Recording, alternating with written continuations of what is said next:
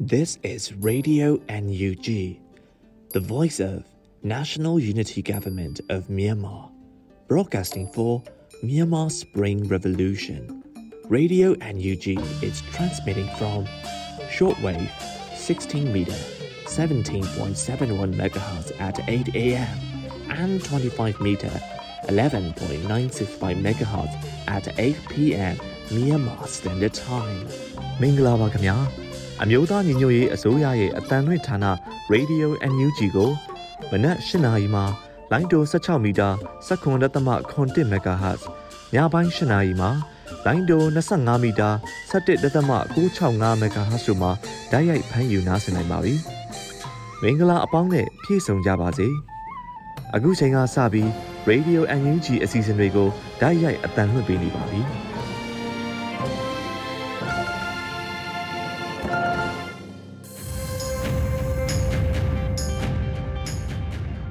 မြန်မာနိုင်ငံသူနိုင်ငံသားအပေါင်းတဘာဝပြီးဆရာနာရှင်ဘေးတို့ကနေကင်းဝေးပြီးကိုစိတ်နှပါကြားမလုံးခြုံပေးကင်းကြပါစေလို့ရေဒီယို NUG အဖွဲ့သားများကဆုတောင်းမေတ္တာပို့သလိုက်ရပါတယ်ရှင်။အခုချိန်ကစပြီးရေဒီယို NUG ရဲ့နောက်ဆုံးရသတင်းအကျဉ်းများကို တင်ဆက်ပေးပါမယ်ရှင်။ခုချိန်ကစတင်ပြီးနောက်ဆုံးရသတင်းများနဲ့နိုဝင်ဘာလ19ရက်မနက်ခင်းနဲ့နေ့လယ်ခင်းကတင်ဆက်ခဲ့တဲ့သတင်းကောင်းစင်တွေကိုပြန်လည်ဖတ်ကြားပေးမှာဖြစ်ပါတယ်။ ကျွန်မຫນွေဦးမွန်ပါ။ပထမဆုံးတင်ဆက်ပေးမယ့်သတင်းကတော့ပြည်ထောင်စုသမ္မတမြန်မာနိုင်ငံတော်အမျိုးသားညီညွတ်ရေးအစိုးရအမျိုးသမီးလူငယ်နှင့်ကလေးငယ်ရေးရာဝန်ကြီးဌာနနဲ့လူအခွင့်အရေးဆိုင်ရာဝန်ကြီးဌာနတို့ရဲ့ပူးတွဲထုတ်ပြန်ချက်အကြောင်းကိုတင်ဆက်ပေးမှာဖြစ်ပါတယ်။ရင်းထုတ်ပြန်ချက်၄မြင်းဆောင်2021ကိုနိုဝင်ဘာလ18ရက်နေ့မှာထုတ်ပြန်ခဲ့တာပဲဖြစ်ပါတယ်။အပြည့်အစုံမှာ၁ချင်းပြည်နယ်တိတိမ်မြို့နယ်အက်လွယ်ကျေးရွာတွင် မိဖွားပြီးကာလအချိန်တလခွဲသာရှိသေးသည့်သားသည်မိခင်တဦးအားအာနာသိန်းအကြမ်းဖက်စစ်ကောင်စီတပ်သားများက2021ခုနှစ်နိုဝင်ဘာလ17ရက်နေ့ညတွင်အကြိမ်ကြိမ်အာဓမပြုကျင်းခဲ့ပါသည်အကြမ်းဖက်အာဓမပြုကျင်းသည့်အချိန်အတွင်းမိနေတဲ့ဤခင်မအားဝတ်ခိုင်းထားပြီးတနက်တင်ဖြင့်ထူထောင်းနှိပ်စက်ခဲ့ကြောင်းကြားသိရသည်။နှစ်ထို့အပြင်2021ခုနှစ်ဇူလိုင်လ14ရက်နေ့ကလည်းကချင်ပြည်နယ်မိုးမောက်မြို့နယ်နွယ်လန်းကျေးရွာမှအ သက်55နှစ်အရွယ်ရှိကချင်အမျိုးသမီးဒေါ်ခေါ်ရွယ်အားအကျန်းဖတ်စစ်ကောင်စီတပ်သား3ဦးကအဓမ္မပြုကျင့်ခဲ့ပြီးရက်ဆက်စွာတပ်ဖြတ်ခဲ့သည်။3ထို့သောလက်တလောဖြစ်ပွားခဲ့သည့်အမျိုးသမီးများအပေါ်လိမ်ပိုင်းဆိုင်ရာအကြမ်းဖက်မှုများသာမကအကြမ်းဖက်စစ်ကောင်စီတပ်သားများသည်လွန်ခဲ့သောနှစ်ပေါင်းများစွာကတည်းကပင်စစ်ဖြစ်ပွားရာဒေသများရှိအမျိုးသမီးများအပေါ်လိမ်ပိုင်းဆိုင်ရာအကြမ်းဖက်မှုများနှင့်ရာဇဝတ်မှုကိုလက်နက်တပွဲအသုံးပြု၍ ရည်ရွယ်ချက်ရှိရှိကျူးလွန်နေခဲ့ကြောင်းအထောက်အထားခိုင်မာစွာတွေ့ရှိရပါသည်၄လက်နက်ကိုင်းပရိပခများအတွင်အမျိုးသမီးများအပေါ်လိမ်ပိုင်းဆိုင်ရာအကြမ်းဖက်မှုများနှင့်လိမ်ပိုင်းဆိုင်ရာရာဇဝတ်မှုများကျူးလွန်ခြင်းသည်မြန်မာနိုင်ငံကအတည်ပြုလက်မှတ်ရေးထိုးထားသောစီရောစာချုပ် The Convention on the Elimination of Discrimination Against Women CEDAW ကုလသမဂ္ဂလုံခြုံရေးကောင်စီဆုံးဖြတ်ချက်1325နဲ့ ဂျီနီဗာသဘောတူစာချုပ်ပါမျိုးသမီးများအားလိမ်ပိုင်းဆိုင်ရာအကြမ်းဖက်မှုမှကာကွယ်ပေးရန်ဆိုသည့်အချက်ကိုချိုးဖောက်ခြင်းဖြစ်သောကြောင့်မိမိတို့အနေဖြင့်ပြင်းထန်စွာရှုတ်ချသည်ငါမျိုးသမီးများအပေါ်လိမ်ပိုင်းဆိုင်ရာအကြမ်းဖက်မှုနှင့်ရာဇဝတ်မှုများနှင့်ပတ်သက်၍အကြမ်းဖက်စစ်ကောင်စီတပ်သားများကကျူးလွန်ခဲ့သောပြစ်မှုများအတွက်အထောက်အထားများရယူခြင်းထိုမှတဆင့်တရားမျှတမှုရရှိနိုင်ရန် အမြန်ဆုံးဆက်လက်လှုပ်ဆောင်သွားမည်6ချိုးဖောက်ခံရသောအမျိုးသမီးများအတွက်တရားမျှတမှုဖော်ဆောင်နိုင်ရန်ကျူးလွန်ခဲ့သောအကြမ်းဖက်စစ်ကောင်စီတပ်သားများအားအပြည်ပြည်ဆိုင်ရာရာဇဝတ်ခုံရုံးသို့မဟုတ် အခြားနိုင်ငံတကာခုံရုံးများတွင် ပြစ်မှုအားတာဝန်ခံနိုင်ရန်အတွက်အမှုလွှဲပြောင်းစီရင်နိုင်ရန်ဆောင်ရွက်သွားမည်ခုနှစ်ပရိပတ်ခအတွင်မျိုးသမီးများအပေါ်ပြစ်မှတ်ထားပြီး လိင်ပိုင်းဆိုင်ရာအကြမ်းဖက်ကျူးလွန်သည့်အပြစ်ရှိသူကိုအရေးယူနိုင်ခြင်းမှကင်းလွတ်နေမှုများအဆုံးသတ်နိုင်ရေးအတွက်ကြိုးပမ်းလှုပ်ဆောင်နေမှုအပေါ်ကုလသမဂ္ဂအပါအဝင်နိုင်ငံတကာအစိုးရများနှင့်အဖွဲ့အစည်းများကပူးပေါင်းပါဝင်ပြီးပံ့ပိုးကူညီပေးကြရန်တိုက်တွန်းသည်စသဖြင့်ပါရှိပါတယ်ရှင်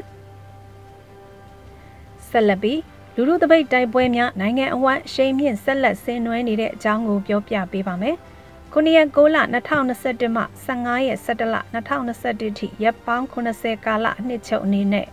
မျိုးသားညီညွတ်ရေးအစိုးရပြည်ထရေးနဲ့လူဝင်မှုကြီးကြပ်ရေးဝန်ကြီးဌာနကထုတ်ပြန်ထားတာဖြစ်ပါတယ်။မြန်မာပြည်သူလူထုဟာဆီယာနာရှင်စနစ်ချုပ်ငြိမ်းရေးနဲ့ Federal Democratic နိုင်ငံတော်သစ်တည်ဆောက်ရန်ပြည်သူတော်လှန်ရေးတရက်ဆင်နွှဲနေကြတာပဲဖြစ်ပါတယ်။အာဏာသိမ်းအကြမ်းဖက်စစ်ကောင်စီသည်မြမပြည်သူများပေါ်မတရားဖမ်းဆီးတပ်ဖြတ်အကြမ်းဖက်လုပ်ရများကို နေ့စဉ်ကျူးလွန်လှုပ်ဆောင်နေ၍အရေးပေါ်အခြေအနေကြေညာချက်ထုတ်ပြန်ပြီး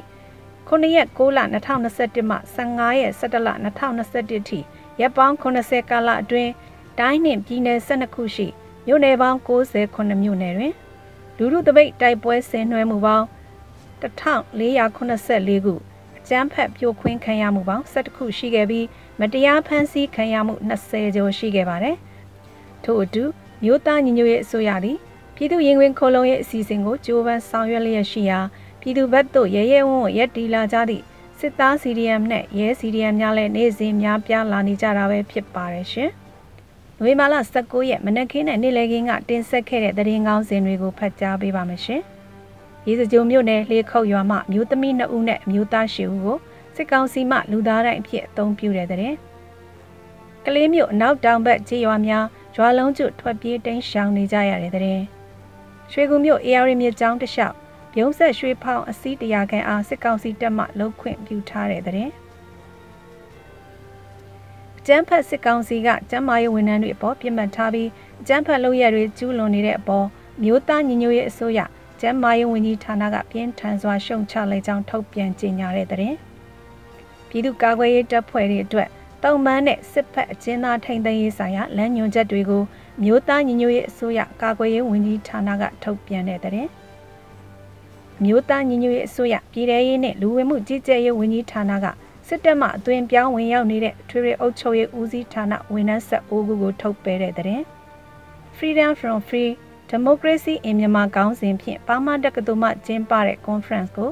တမ်မတ်ကြီးဦးကျော်မိုးထွန်းနဲ့ဝန်ကြီးများတက်ရောက်ဆွေးနွေးခဲ့တဲ့တဲ့။ အမေရိကန်နိုင်ငံကမြန်မာနိုင်ငံကိုဘာသာရေးလွတ်လပ်ခွင့်မရှိတဲ့နိုင်ငံစီးရင်နဲ့ထည့်သွင်းတဲ့တဲ့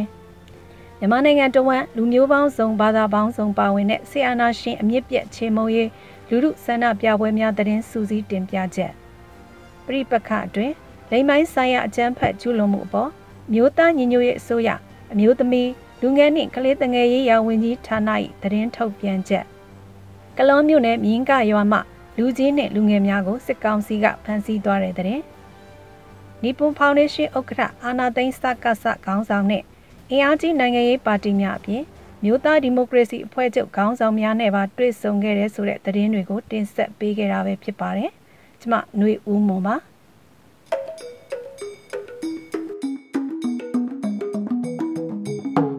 ရေဒီယို UNG ရဲ့နောက်ဆုံးရသတင်းများကို နားဆင်ကြရတာဖြစ်ပါတယ်။ဆက်လက်ပြီး ຫນွေဦးဟန်နီဖတ်ကြားထားတဲ့မြို့ပြပျောက်ကြားတိုက်ပွဲနဲ့တေနကဗျူဟာနီးဗျူဟာနဲ့ကျေးလက်အခြေဆိုင်ပျောက်ကြားအမိရမိုးမခသတင်းမြင်ကွင်းဆောင်းပါးကို နားဆင်ကြရမှာဖြစ်ပါတယ်။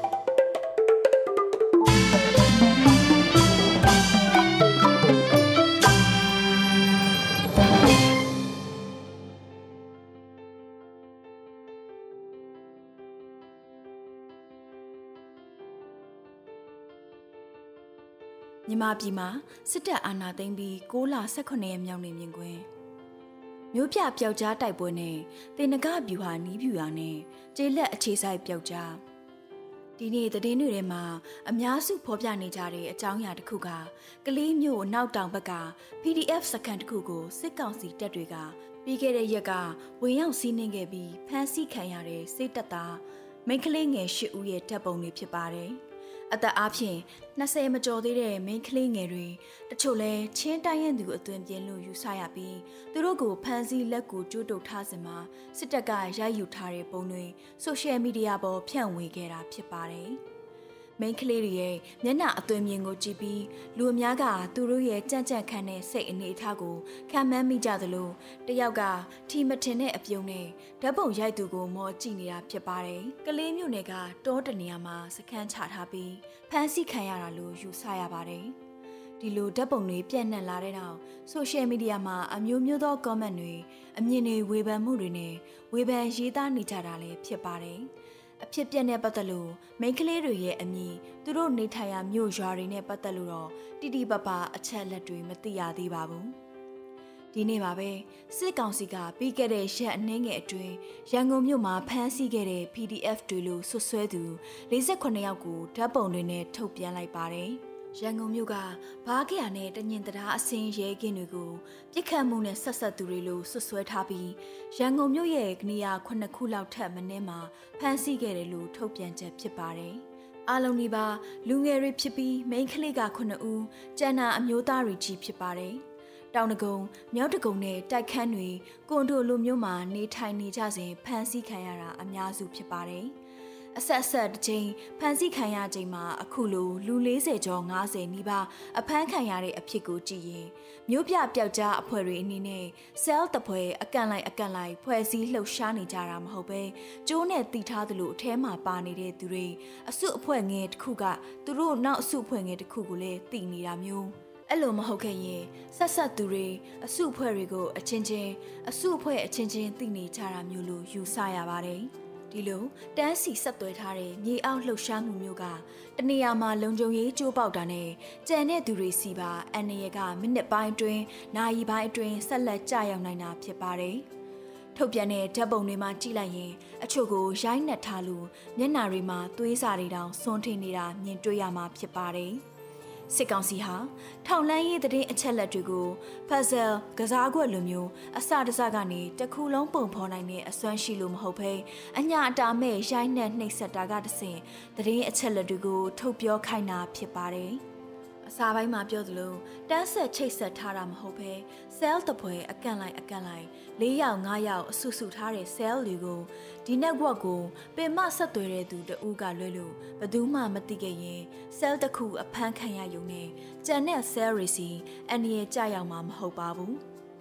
network ကိုကိုင်တဲ့သူတော့ရန်သူလက်ထဲမကျဖို့အထူးဂရုစိုက်ရမှာဖြစ်ပြီးကြံတဲ့အစုအဖွဲ့တစ်ခု cell တစ်ခုမိယုံနဲ့ကြံတဲ့ဆက်ဆက်သူတွေကိုတန်းစီပြီးအနေရကြရောက်တာမျိုးကိုရှောင်ရှားနိုင်မှာဖြစ်ပါတယ်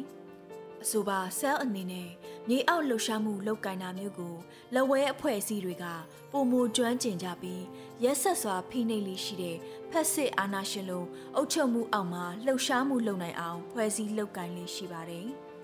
နောက်တစ်ချက်ကတော့အဲ့ဒီလိုဆဲရီအနေနဲ့လှုပ်ရှားခဲ့ချိန်မှာရန်သူဘက်ကတစုံတရာအနှံ့ရသွားပြီးလိုက်နေပြီလို့ယူဆရတဲ့အချိန်ကြရင်မြို့ပေါ်ကမြေအောက်လှုပ်ရှားသူတွေကိုလက်နက်ကင် area တနည်းအားဖြင့်လွတ်မြောက် area ကိုတင်းရှောင်ဖို့ဆုံးဖြတ်စီစဉ်ကြရတာမျိုးဖြစ်ပါတယ်။မြို့ပေါ်မှာဆက်နေပြီးရန်သူလက်ထဲကြခံတာထက်ကိုမြို့ပေါ်မှာဆက်သုံးဖို့မဖြစ်နိုင်တော့တဲ့အနေအထားမှာလွတ်မြောက်နေမြေကိုတင်းရှောင်ခိုင်းပြီး လူအစားထိုးဆက်လက်လှုပ်ရှားကြရတာမျိုးဖြစ်ပါတယ်။ရခင်80ခုနှစ်နောက်ပိုင်းနဲ့80ခုနှစ်နောက်ပိုင်းတွေမှာလက်ဝဲမြေအောက်အဖွဲ့တွေရန်ကုန်မြို့မြဝကျွန်းပေါ်နဲ့မန္တလေးမြို့တို့လိုမှာမြေအောက်လှုပ်ရှားမှုတွေလုပ်ခဲ့ကြတဲ့တာရကတွေရှိခဲ့ပါတယ်။အဲ့ဒီအချိန်ကလည်းတခါမျှမဖမ်းမိဘူးလားလို့မေးရင်မိတဲ့အခါတွေလည်းရှိခဲ့ပါတယ် 82ခုနှစ်မှာ network ကိုပင်မချုပ်ကင်သူကိုအကြောင်းတစ်ခုကြောင့်တည်င်းပေါက်ကြားသွားပြီးသူအဖမ်းခံရချိန် cell တွေအားလုံးဒီပါနာမည်နဲ့တကွာပေါက်ကြားပြီးလူ200လောက်အဖမ်းခံရတဲ့အဖြစ်အပျက်တစ်ချိန်ရှိခဲ့ပူပါတယ်အလုံးပင်မရေတောက်မြေထိန်ချုပ်သူကိုဖမ်းမိခံရတဲ့အခြေအနေသာမဟုတ်ခဲ့ရင်အခုကာလမြေအောက်လှူရှားသူတွေတတိတတိဖမ်းခံနေရသလိုအစုအပြုံလိုက်အဖမ်းခံရတာမျိုးကိုရှောင်ရှားနိုင်မယ့်သဘောလေးဖြစ်ပါတယ်။ ဒါကတော့မြို့ပြမြေအောက်လှူရှားမှုတွေနဲ့ဆက်ဆက်လို့လုံနီးလုံဟန်ပိုင်းဆိုင်ရာ ပြန်သုံးသပ်စရာဖြစ်ပါတယ်။ကျေးလက်တွေတိုင်းရင်းသားဒေသတွေမှာတော့ပျောက်ကြားတက်ဖွဲ့ဖွဲ့တဲ့အခါရိတ်ခါရဖို့အကူအညီရဖို့အတွက်ကျေးရွာတွေနဲ့တိမ်မဝေးတဲ့နေရာမျိုးမှာရွေးချယ်စခန်းချကြတာတွေ့ရပါတယ်။စကိုင်းတိုင်းကနီရင်းမပင်စတဲ့နေရာတွေကလေးမျိုးတဝိုက်တွေမှာအဲ့လိုစခန်းချကြပြီးစစ်ကောင်စီကတရင်အစအနာရတဲ့အခါ လာရောက်ရှင်းလင်းတာမျိုးခံကြရတာဖြစ်ပါတယ်။အဲ့ဒီဒေတာတွေက PDF လှူရှားမှုဟာလောလောဆယ်မှာအခြေခံဒေတာခြေကုပ်စခန်းတီထောင်နိုင်တဲ့အနေအထားမဟုတ်သေးတာကြောင့်စစ်ကောင်စီလက်လန်းမိတဲ့နေရာတွေမှာပဲဖြစ်နေသေးတဲ့သဘောရှိပါတယ်။ မင်းတက်လိုပထဝီအနေအထားရအသာစီးရတဲ့မြို့နယ်တွေချင်းပြည်နယ်ဒေသအချို့လိုနေဆက်နယ်နီးတဲ့ဒေသတွေမှာတော့စစ်ကောင်စီကအလွယ်တကူလာရောက်ဖြိုခွဲဖို့မဖြစ်နိုင်တဲ့နေရာတွေမှာအခြေစိုက်စခန်းချကြတာက အားသာချက်ဖြစ်မယ်ထင်ပါတယ်။ ခြုံပြောရရင်မြို့ပြပျောက်ကြားတွေနဲ့ပတ်သက်ရင်မဟာဗျူဟာအရရောနီးဗျူဟာအရပါပြန်လည်သုံးသပ်ပြင်ဆင်သင့်တာတွေကိုအမြန်ဆုံးလှုပ်ဆောင်နိုင်ဖို့လိုအပ်နေပြီလို့ထင်မြင်မိပြီးတော်လန်ရေးအင်အားဆိုတာအမြဲတမ်းပြန်ဖြည့်ဆည်းနိုင်မယ်လို့မှန်းစာမထားပဲအချိန်မြင့်နေချိန်အင်အားနှဲပါသွားချိန်တွေလည်းရှိနိုင်နေဆိုတာသတိပြုဖို့လိုအပ်ပါလိမ့်မယ်ဆိုတဲ့အကြောင်းကိုတင်ဆက်ပေးလိုက်ရပါတယ်ရှင်။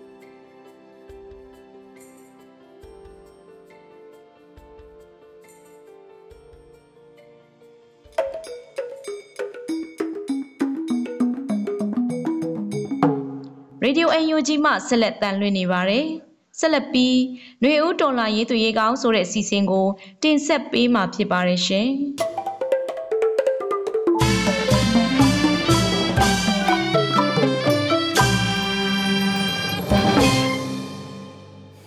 အခုပြောပြပေးမယ့်အကြောင်းအရာကတော့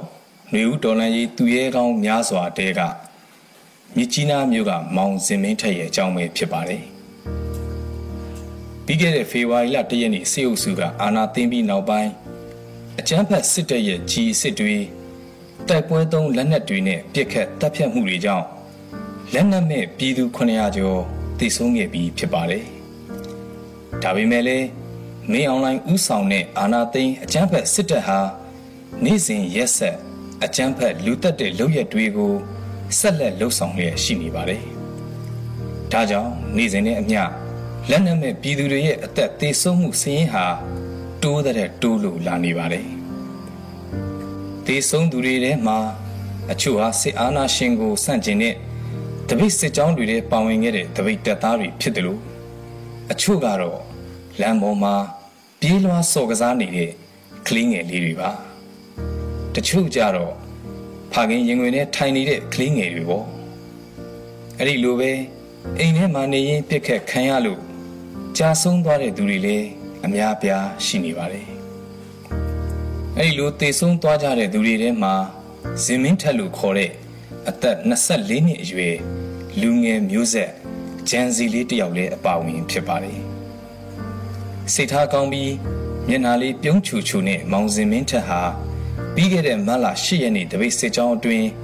အာနာသိန်းအကျန်းဖက်လူသက်စစ်အုပ်စုရဲ့ပြစ်ခတ်တပ်ဖြတ်မှုကြောင့် မြစ်ကြီးနားမြို့လမ်းမတနေရာမှာအသက်ပေးကြာဆုံးခဲ့ရသူဖြစ်ပါတယ်။သူဟာတငယ်ချင်းတွေအပေါ်ဘာမဆိုကူညီဖို့အမြဲတမ်းအစဉ်သင့်ဖြစ်နေတဲ့လူငယ်လေးတစ်ယောက်ဖြစ်ပါတယ်။သူတငယ်ချင်းကိုဆိုင်ပြောပြချက်အရဆိုရင်စင်မင်းထက်ဟာဘယ်လောက်ပဲငွေကြေးအခက်အခဲရှိနေပါစေတငယ်ချင်းတစ်ယောက်ယောက်ကငွေကြေးဒါမှမဟုတ်ဘယ်လိုအကူအညီမျိုးကိုမဆို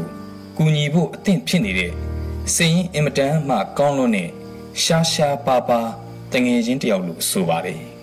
။စီမင်းတဟာစေတနာတရားတရားကောင်းတယ်လို့အမြဲတမ်းလဲပြုံးနေတတ်တဲ့သူလို့ကိုဆိုင်ကသူ့တငယ်ချင်းအကြောင်းကိုဂုံယူစွာနဲ့ပြန်ပြောင်းပြောပြနေပါတယ်။သူမကြဆုံးမီအချိန်တွေကဆိုရင်စင်မင်းထက်ဟာနေ့စဉ်တပိတ်စစ်ကြောင်းတွေအတွင်းလက်နက်ကိုင်းကျန်းဖက်စစ်တပ်ရဲ့ဖြိုခွဲမှုတွေကို မကြောက်မရွံရှေ့တန်းကနေပြီးခုခံကာကွယ်ခဲ့တဲ့ဂျန်စီတူဖြစ်ပါတယ်။သူတို့လိုရှေ့တန်းကခုခံကာကွယ်ရေးသမားတွေဟာအကြမ်းဖက်လူသက်စစ်တပ်ကိုလက်တုံပြန်ဖို့ဘာလက်နမ်းမှမရှိကြပေမဲ့တပိတ်စစ်ကြောင်းအတွင်းတဲကဆန္ဒပြပြည်သူတွေစီလာမဲ့အကြမ်းဖက်စစ်တပ်ရဲ့ကြီးစံတွေကိုတော့ဒိုင်းကာတွေတုံးပြီးအသက်ဆုံးကာကွယ်ပေးနေကြသူတွေပဲဖြစ်ပါတယ်။ ဇင်မင်းထက်ရဲ့အမေဒေါ်အုံမာဟာသူ့သားတရင်ကိုကြားကြားချင်းပဲစိုးရိမ်စိတ်တွေနဲ့ဆေးရုံကိုအမြန်ဆုံးပြေးထွက်လာခဲ့ပါတယ်အမေလို့သူ့သားခေါ်တဲ့နောက်ဆုံးစကားသံလေးကိုသူကြားချင်ခဲ့ရုံပါဒါပေမဲ့သူ့သားလေးမခေါ်နိုင်တော့ပါဘူးလို့ဒေါ်အုံမာကစုပ်နဲ့စွာ ပြောပြပါတယ်သူ့သားတကူလုံးမှာသွေးတွေအပြည့်နဲ့ဖြစ်နေပါပြီ သူ့သားရဲ့အသက်မဲ့ခန္ဓာကို မကြည့်ရတာကြောင့်မျက်နာလွှဲနေခဲ့မိပါတယ်လို့ဆက်ပြောပါတယ်သားရဲ့သွေးဆုပ်သွားတဲ့ခန္ဓာကိုယ်ဟာအေးဆက်ပြီးဖြူဘက်ဖြူရောဖြစ်နေခဲ့ပါပြီ။သူဘာများထပ်ပြောနိုင်ဦးမှလဲ။သူ့သားလိုကလေးလေးတွေလူငယ်လေးတွေကိုစစ်တပ်နဲ့ရဲဟာသွေးအေးအေးနဲ့ရဲရဲဆက်ဆက်ပြစ်ခတ်တပ်ဖြတ်လူရဲ့ကြလေခြင်းဆိုပြီး ဇင်မင်းထက်ရဲ့မိခင်ဒေါ်အုံမာတယောက်ပူဆွေးတော့ကရီကြားကပြောပြနေလေရဲ့သူမခေါင်းထဲတွင်းနေမိတာတခုကသူ့သားရုပ်ကလပ်ကိုမြန်နိုင်သမျှမြန်မြန်အိမ်ပြန်တည်ဖို့လုပ်ရမယ်ဆိုတာပါပဲဇင်မင်းတဟာပြီးခဲ့တဲ့3နှစ်လောက်ကမှပရင်းပညာသင်ခဲ့ပြီးရွှေပရင်ခတ်တဲ့အလုပ်ကိုလုပ်နေတာဖြစ်ပါတယ်မိသားစုမှာအငယ်ဆုံးနဲ့တူးရဲသောသားပါ သူ့မိခင်အတွက်ပေးထားတဲ့ကတိကသူတို့မိသားစုမပိုင်းဆိုင်နိုင်သေးတဲ့အင်္ဂလိပ်တစ်လုံးကိုသူအလုပ်လုပ်ပြီးစုဆောင်းထားတဲ့ငွေနဲ့အမြန်ဆုံးဝယ်နိုင်အောင်စူးစမ်းမယ်ဆိုတဲ့ကတိပါပဲသူဟာသဘောကောင်းပြီးစိတ်ထားဖြူစင်တဲ့ကလေးတစ်ယောက်ပါသူ့အနေနဲ့ဘယ်တော့မှမိဘကိုစီစဉ်ရအောင်ဒါမှမဟုတ်စိတ်ညစ်ရအောင်လုပ်ခဲ့ခြင်းမရှိပါဘူးသူချက်တဲ့အစားအသောက်တွေဆိုရင်သူ့သားလေးကသိကြိုက်ပါတယ် ဘာချက်ချက်ဘယ်တော့မှကြီးမများပဲစားတာပါပဲတငယ်ချင်းတွေကိုလည်းအိမ်ခေါ်လာပြီးအမိလက်ရာကိုကျွေးလိရှိပါတယ်လို့မျက်ရည်တွေကိုတုံရင်းဒေါ်အုံမာကရှင်းပြပါသေးတယ်သူဆုံးတဲ့နေ့ကဆိုရင်ဇင်မင်းထက်ဟာသူ့မိခင်ကိုအလုတ်သွားလိုက်အောင်မဲ့အမေလို့ပြောပြီးထွက်သွားခဲ့တာပါဆန္ဒပြပွဲတွေမှာရှေ့တန်းကပါဝင်နေတာကိုအဲ့ဒီနေ့မတိုင်ခင်ကမှသူ့အမေတည်သွားပြီးအတင့်မရဲဖို့တားခဲ့ပါသေးတယ် ဒါပေမဲ့တားမရခဲ့ပါဘူးအင်မတန်မှဒေါ်လန်ချင်းစိတ်ပြင်းပြနေတဲ့သူ့သားကသူ့အမေကိုအလုတ်သွားလိုက်အောင်မယ်လို့လိန်ပြောပြီးထွက်သွားတာပဲဖြစ်ပါတယ်သူသားဟာသူယုံကြည်တာကိုမစုံမနစ်လှုပ်ဆောင်ပြီးကြာဆုံးသွားခဲ့ရတဲ့အတွက်သူ့အနေနဲ့ဂုံယူလို့မဆုံးပါဘူးလို့ဆိုပါတယ်သားတယောက်ဆုံးရှုံးသွားရလို့ဘယ်လောက်ပဲခံစားနေရပါစေသူ့သားလိုတော်လန်တိုက်ပွဲဝင်ရင်းကြာဆုံးသွားကြရတဲ့ လူငယ်တွေရဲ့စိတ်ဓာတ်ကိုမလေးစားပဲမနေနိုင်ပါဘူးလို့ဇင်မင်းထက်အမေစီကစကားတန်ကြားလိုက်ရပါတယ်ဇင်မင်းထက်ဟာသူရဲကောင်းတယောက်ဖြစ်ခဲ့ပါတယ်တိုင်းပြည်နဲ့တရားမျှတမှုအတွက်ပေးဆက်ဖို့အရန်စိတ်ထက်သန်တဲ့ဇင်မင်းထက်လိုလူငယ်တွေကိုပြည်သူတရက်လုံးကအမြဲအမှတ်ရနေကြမှာပါဇင်မင်းထက်ဟာမိသားစုအတွက်တင်မကမြစ်ကြီးနားမြို့အတွက်ရောမြန်မာပြည်အတွက်ပါ နွေဦးတော်လှန်ရေးသူရဲကောင်းတူဖြစ်ကဘာတီသည်ဖြင့်မှတ်တမ်းဝင်နေတော့မှာဖြစ်ပါတယ်။ရေးတော်ပုံအောင်ရမည်ကျွန်တော်ခင်တွေဦးပါ။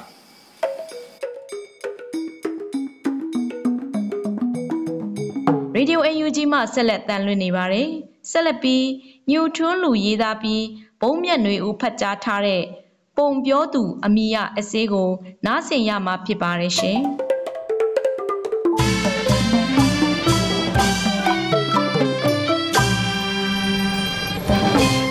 တောတာရှင်များအားလုံးမင်္ဂလာပါခင်ဗျာဆရာညိုထွန်းလူရေးသားသော ပုံပြောသူဆိုတဲ့စောင်းပါးတစ်ပုဒ်ကိုဖတ်ကြားတင်ဆက်ပေးမှာပဲဖြစ်ပါတယ်ခင်ဗျာ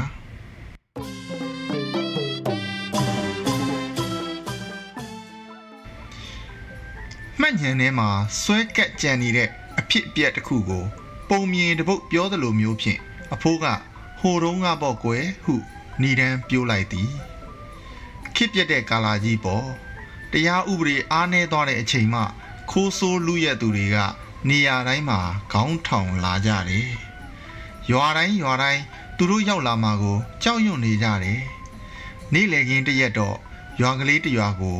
လူဆိုးဓမြတွေရုတ်တရက်ရောက်လာပြီးရွာလယ်ကစရက်မှာလူစုခိုင်းတယ်ကွခေါင်းဆောင်လှုပ်တဲ့သူကအင်မတန်မှရက်ဆက်ကြမ်းကြုတ်တဲ့သူဘလူးတစ်ဘက်ဝင်စားထားသလားမှတ်ရတယ်သူ့ရဲ့အမိန့်တိုင်း ရွာလယ်စရက်ရှိမှာထိတ်ထိတ်အလန့်လန့်နဲ့ရောက်လာကြရပေမဲ့ဘာဖြစ်လို့လူစုခိုင်းမှန်းလဲမသိကြဘူးဒါပေမဲ့မကောင်းတဲ့အငွေ့အသက်တွေရနေတယ်လေခဏအကြာမှာခေါင်းဆောင်လှုပ်တဲ့သူရဲ့အတန်ကဟိမ့်ထွက်လာတယ်ဒီရွာမှာသူတို့ကိုစန့်ကျင်တဲ့သူတွေရှိတယ်လို့ကြားတယ်တဲ့ကြံကြံဖန်ဖန်ဘသူကသူတို့ကိုစန့်ကျင်ရဲမလဲကွယ်တခုခုလှုပ်တော့မှမို့တတ်တတ်မဲ့ဆွဆွဲနေတာ အဲ့ဒီလိုစန့်ကျင်တဲ့အတွက်အပြစ်ဒဏ်ပေးရမယ်တဲ့ဒါပေမဲ့မင်းတို့ရွာသူရွာသားတွေကိုအခွင့်အရေးတစ်ခုပေးမယ်လို့ပြောရင်းနဲ့သူသူ့တပည့်တယောက်ရဲ့လက်ထဲကငှက်ကလေးတစ်ကောင်ကိုဆွဲယူဖမ်းဆုပ်ပြလိုက်ပြီးငါလက်ထဲကငှက်ကအသေးလားအရှင်လားမှန်အောင်မပြောနိုင်ရင်မင်းတို့ရွာသား10ယောက်ကိုတတ်ပြစ်မယ်လို့ပြောလိုက်တယ်အကုန်လုံးဒုက္ခရောက်ကြပြီပေါ့သူ့လက်ထဲကငှက်ကအသက်ရှင်နေမှန်းသိလို့ငှက်ကအရှင်မာလို့ပြောရင် तू ကလက်နဲ့ပြညစ်တက်လိုက်မှာအသေးလို့ပြောရင်လဲလက်ထဲကငှက်ကိုလွတ်ပစ်လိုက်တော့မယ်ဘလို့အဖြေပဲပြီးပြီးဆုံးဖြတ်ချက်က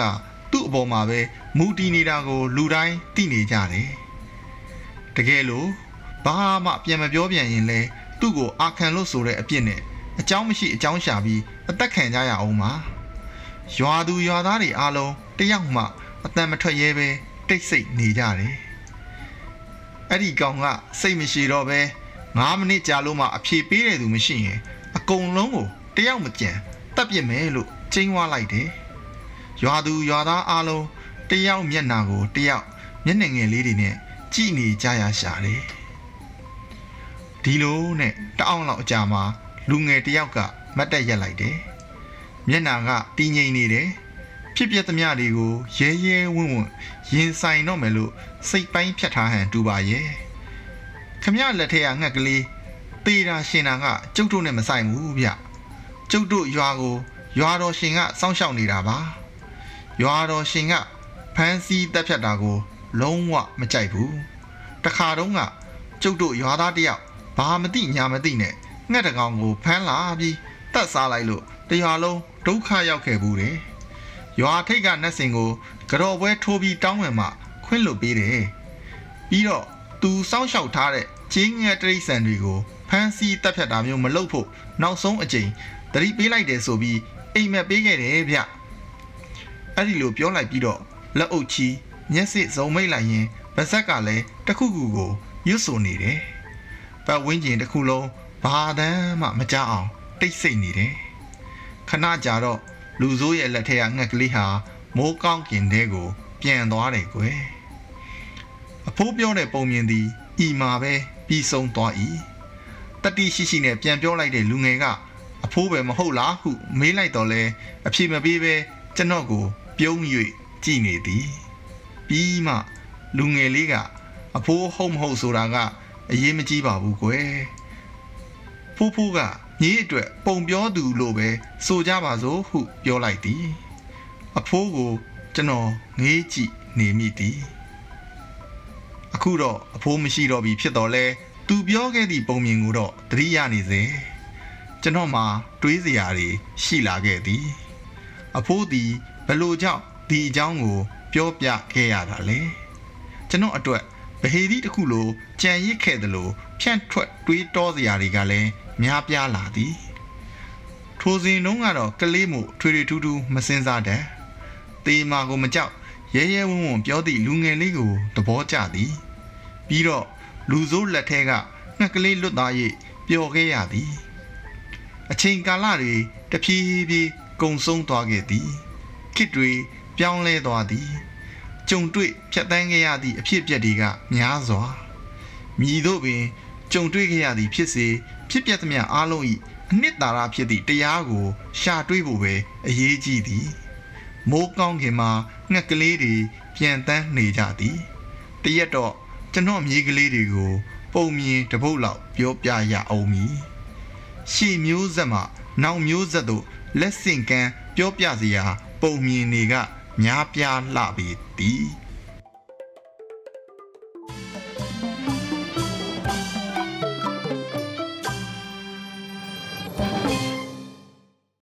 ဒီကနေ့ကတော့ဒီညနေပဲ Radio NUG ရဲ့အစီအစဉ်တွေကိုခਿੱတရနာလိုက်ပါမယ်မြန်မာစံတော်ချိန်မနက်၈နာရီနဲ့ညနေ၈နာရီအချိန်တွေမှာပြန်လည်ဆုံတွေ့ကြပါစို့ Radio NUG ကိုမနက်၈နာရီမှာလိုင်းတို16မီတာ7.3 MHz ညပိုင်း၈နာရီမှာလိုင်းတို25မီတာ17.665 MHz တို့မှာဓာတ်ရိုက်ဖမ်းယူနားဆင်နိုင်ပါပြီမြန်မာနိုင်ငံသူနိုင်ငံသားများကိုစိတ်နှပြကျန်းမာချမ်းသာလို့ ဘေးကင်းလုံခြုံကြပါစေလို့ Radio NUG အဖွဲ့သူအဖွဲ့သားများကဆုတောင်းလိုက်ရပါတယ်။အမျိုးသားညီညွတ်ရေးအစိုးရရဲ့စက်သွယ်ရေးတရင်အချက်အလက်နဲ့ဤပညာဝန်ကြီးဌာနကထုတ်လွှင့်နေတဲ့ Radio NUG ဖြစ်ပါတယ်။ San Francisco Bay Area အခြေစိုက်မြန်မာမိသားစုများနဲ့နိုင်ငံတကာကစေတနာရှင်များလှူအားပေးများရဲ့ Radio NUG ဖြစ်ပါတယ်။အရေးတော်ပုံအောင်ရမည်။